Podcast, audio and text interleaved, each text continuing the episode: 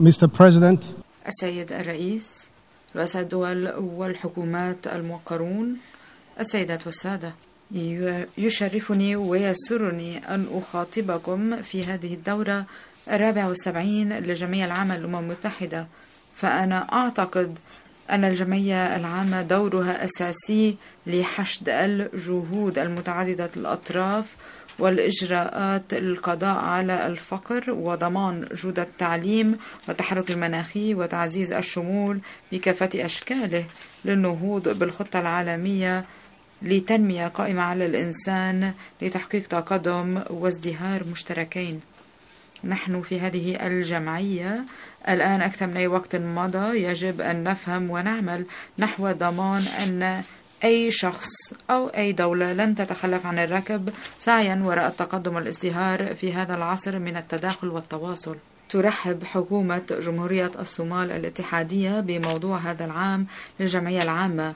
ما يذكرنا جميعا بأهمية مضاعفة الجهود من خلال التعاون الدولي الأكبر لضمان أننا كأمم نحقق بشكل فردي أهداف التنمية المستدامة للحد من الفقر وتحسين جودة التعليم ومعالجة الآثار السلبية للتغير المناخي وتعزيز الشراكات والشمول في كل إجراءاتنا في على الصعيد المحلي. فالشراكات بكافة أشكالها ضرورية لو أردنا أن نتجاوز التحديات الأبرز في وقتنا بما في ذلك الأمن والفقر والتغير المناخي والاستدامة في هذا العالم المعولم. لا دولة بغض النظر عن ثرائها وقوتها وجهوزيتها قادرة على الوقوف بمفردها في وجه التحديات العالمية التي تستوجب تحركا مشتركا واستجابات متعددة الأطراف المتسقة. علينا أن نسعى إلى خلق الظروف لتحقيق الذات والازدهار المشترك بحسب رؤية أهداف التنمية المستدامة. أنا ممتن لأنني مع الشركاء القيمين وكثر ممثلون ها هنا في هذه الجمعية الموقرة.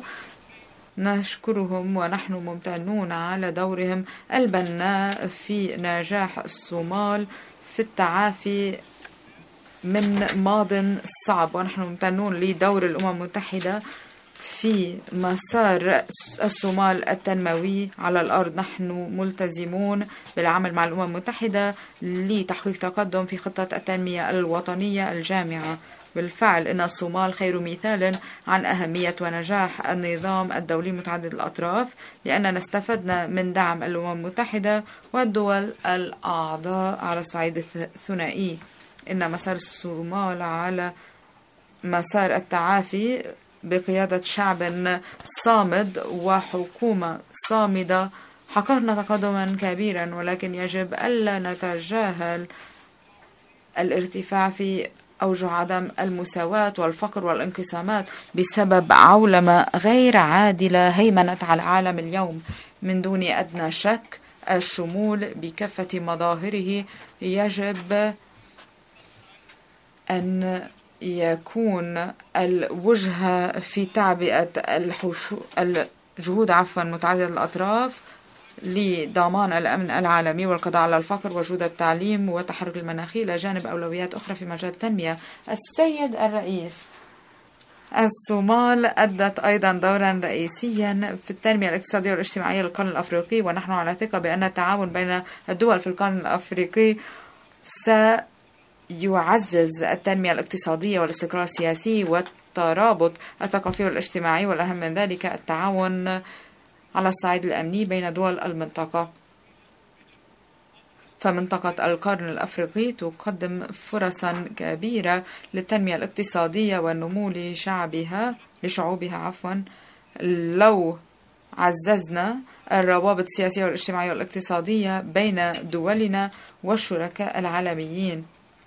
الدول في القرن الأفريقي ليست بمفردها ولا تسعى وحدها للعمل نحو مستقبل أفضل للدول والشعوب. فلدينا أصدقاء كثر قدموا لنا الدعم لمصلحة السلام والأمن في العالم ونشكرهم على هذا الدعم. فيما نسعى إلى تعزيز التكامل الاقتصادي في المنطقة ونشجع الأعمال التجارية في دولنا على الاستثمار في شرق أفريقيا وما بعدها ما زلنا نستثمر في جمهورية كينيا ما يساهم في نموها وازدهارها الاقتصادي.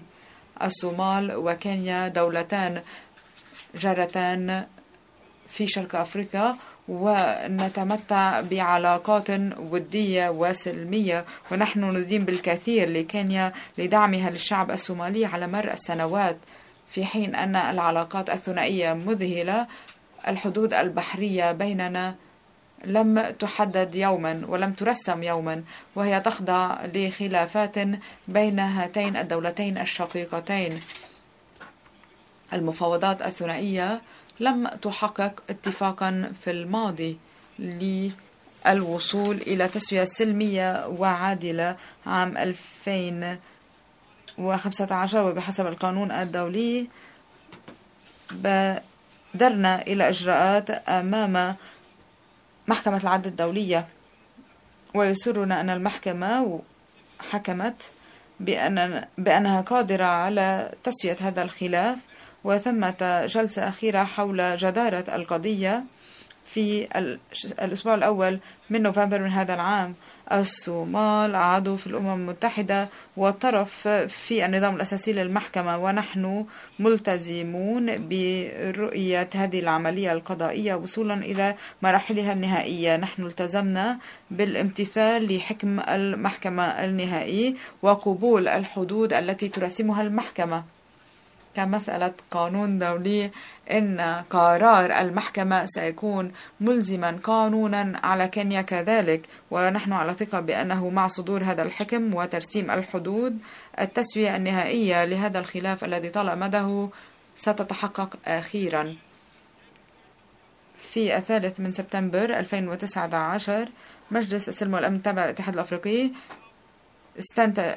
وصل إلى استنتاج بأن الاتحاد الأفريقي غير قادر على النظر في هذه القضية في ويجب ترك هذه القضية للمحكمة. سيد الرئيس أود أن أفيد بأنه على هامش الدورة 74 للجمعية العامة في نيويورك يوم الثلاثاء في 24 من سبتمبر 2019 الرئيس سيسي من مصر وهو حاليا الرئيس الحالي للاتحاد الأفريقي عقد وترأس اجتماعا بيني وبين الرئيس أوهورو من كينيا. الاجتماع كان مثمرا واتفقنا على العودة إلى العلاقات الشقيقة الودية وتعزيز التعاون الاقتصادي. واتفقنا على ترك الخلاف البحري بين البلدين لكي تحله محكمة العدل الدولية. نحن ملتزمون بالمحافظة على العلاقات الودية مع كينيا.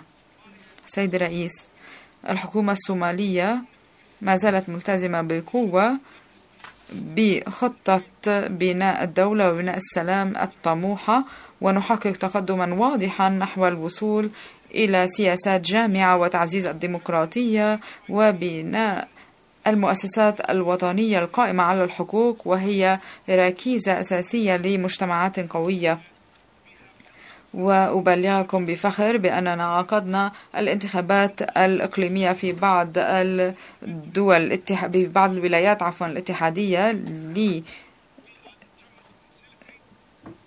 الوصول إلى انتخابات رئاسية وبرلمانية عام 2021 ونحن مصممون على تيسير نجاح هذه العملية من خلال قانون انتخابي وتسجيل الناخبين وتوعية عامة بأهمية السياسات الجامعة لتحقيق تقدم وطني. ومن الواضح أن الصومال مثال تاريخي عن الإصلاحات والقدرة على الصمود والتقدم والتعافي بفضل جهود شعبنا. اليوم نركز في النقاشات الوطنية على كيفية تحقيق السياسات الجامعة والخدمات العامة والإصلاحات الاقتصادية والمالية وتنمية الاقتصاد والحوكمة الرشيدة وتحقيق التعاون الإقليمي وكيفية الحاق الهزيمة بحركة الشباب والإرهاب الدولي. ونقوم بهذه الجهود مع شركاء في الوطن والخارج. أنا على ثقة بأنكم جميعا متفقون على أن النقاشات الجامعة ترسل أسس للتنمية المستدامة في الصومال وتحقق الازدهار الجماعي على الصعيد الإقليمي والعالمي. نسعى إلى القضاء على الإرهاب في بلدنا ولكن هذه المهمة لن تكون سهلة بسبب جبن حركة الشباب التي تشن الهجمات الجبانة ضد الأفراد والأعمال التجارية الخاصة ولكن بفضل استراتيجية شاملة للقضاء على التطرف. الهجمات العسكرية الناجحة واسترداد الأراضي من حركة الشباب وتعزيز الجيش الوطني في الصومال وقدراتنا الأمنية. نحن على ثقة بأن جهودنا المشتركة مع الأميسوم والشركاء الدوليين الآخرين ستثمر بالنسبة إلى الصومال وشعبها والشعوب في المنطقة والاستقرار العالمي. نحن نقوم ببناء قوة مجهزة ومؤسسات أمنية قائمة على الحقوق وخاضعة للمساءلة لتولي مسؤوليات ضمان أمن الصومال. إن حكومتنا بالتعاون مع أميسوم وشركاء دوليين تعمل على تحقيق هذه الخطة الانتقالية تماشيا مع هيكل الأمن الوطني في هذا الصدد أشكر القوات الأمنية الصومالية الشجاعة رجالا ونساء والدول المساهمة بالقوات من الاتحاد الأفريقي مع بعثة أميسوم وشركاء الدوليين الذين دعموا عمليات الأمنية في بأشكال مختلفة وهامة. لا شك في أن هذه الإصلاحات الشاملة لن تكون سهلة ولكن من خلال تصميم ثابت قمنا بتسجيل الجيش الوطني الصومالي وقمنا بمراجعة حسابات الموارد البشرية للقطاع الأمني وسنستكمل هذه الجهود قريبا. إن التسجيل البيومتري مكن الحكومة من القضاء على أي أخطاء في عدد العمال و تقييم الجهوزية التشغيلية للعاملين في مجال الأمني وسيوفر أو سيساعد في تحقيق وفورات وسيعزز الأمن للشعب الصومالي. أنا على ثقة بأن إصلاحات القطاع الأمني الناجحة ستمكننا من الوصول إلى أجهزة أمنية قادرة لضمان رفاه وتقدم الشعب الصومالي. التعليم عالي الجودة يحرر ويمكن ويقدم الأمل ويضمن تحقيق أحلام وطموحات الشعوب جميعا. علينا أن نقوم بتعبئة الجهود لأن التنمية في أي مكان تبدأ بالدعم الوطني والدولي للتعليم بكافة أشكاله.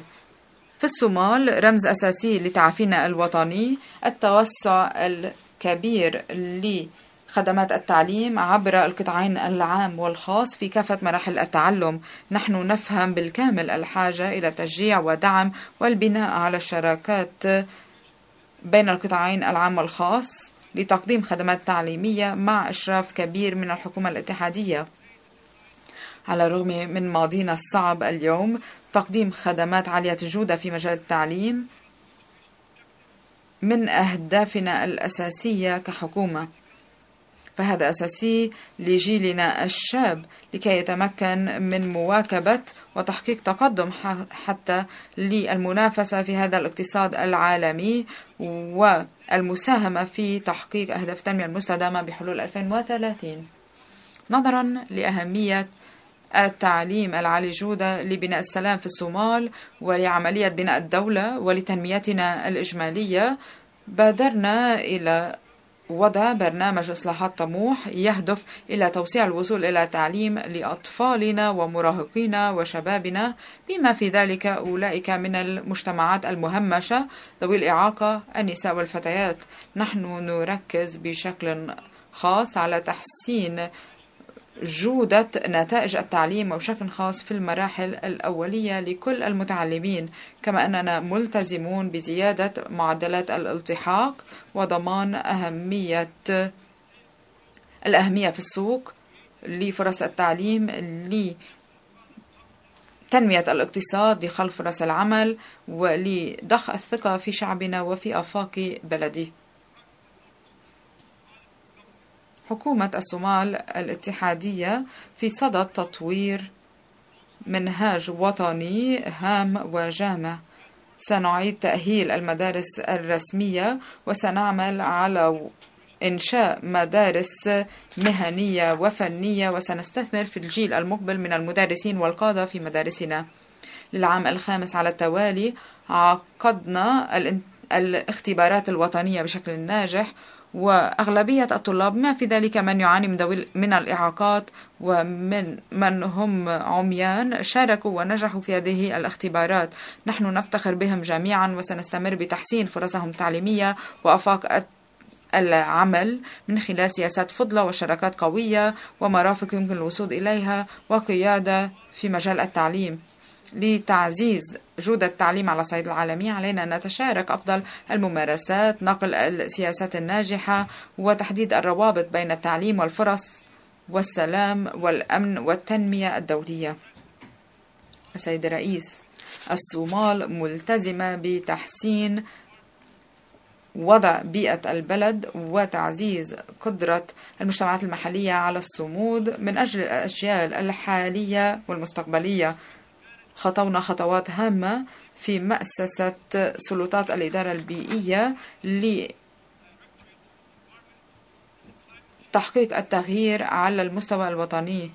أنشأنا مديرية البيئة والتغيير المناخي في مكتب رئاسة الوزراء. على سبيل المثال وهذه خطوة في الاتجاه الصحيح ونحن على ثقة بأن هذه المديرية ستقود جهود إنشاء السياسات والتشريعات البيئية وتنفيذها.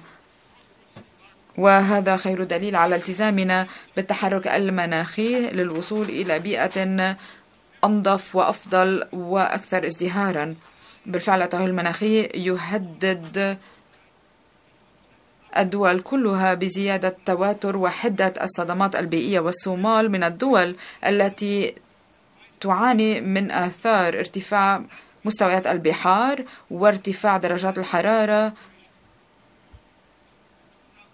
وآثار تدهور الأراضي وإزالة الأحراج. إن الجفاف عام 2017 في الصومال كان له أثر كبير على البيئة والاقتصاد وقطاع الموارد الطبيعية وكانت الخسائر في النظام الإيكولوجي مقدرة بأكثر من 600 مليون دولار أمريكي. الخسائر في إنتاجية الرأسمال الطبيعي تشير إلى الأوقات الصعبة التي سيواجهها الاقتصاد الصومالي القائم على المواشي لأن أكثر من 93% من الموارد الرعوية تدمرت في بعض المناطق في البلد وهذا أثر بشكل مباشر وغير مباشر في حياة وسبل معيشة 6.2 مليون شخص أي قرابة 60% من السكان الذين يعتمدون على الاقتصاد الرعوي.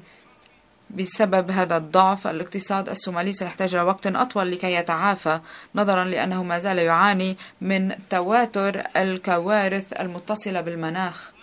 إن الأسباب وراء الضعف والهشاشة في الصومال معقدة وبالتالي تحتاج إلى حلول شاملة وطويلة الأمد لإدماج إدارة مستدامة الموارد الطبيعية وخطة بيئية شاملة لتعافي الصومال وخطة تنموية وطنية. الدروس المستقاة من تجربتنا تتمحور حول الحاجة إلى التحرك المناخي لعكس الآثار البيئية الكارثية التي تشكل تهديدا وجوديا لمستقبلنا الجماعي.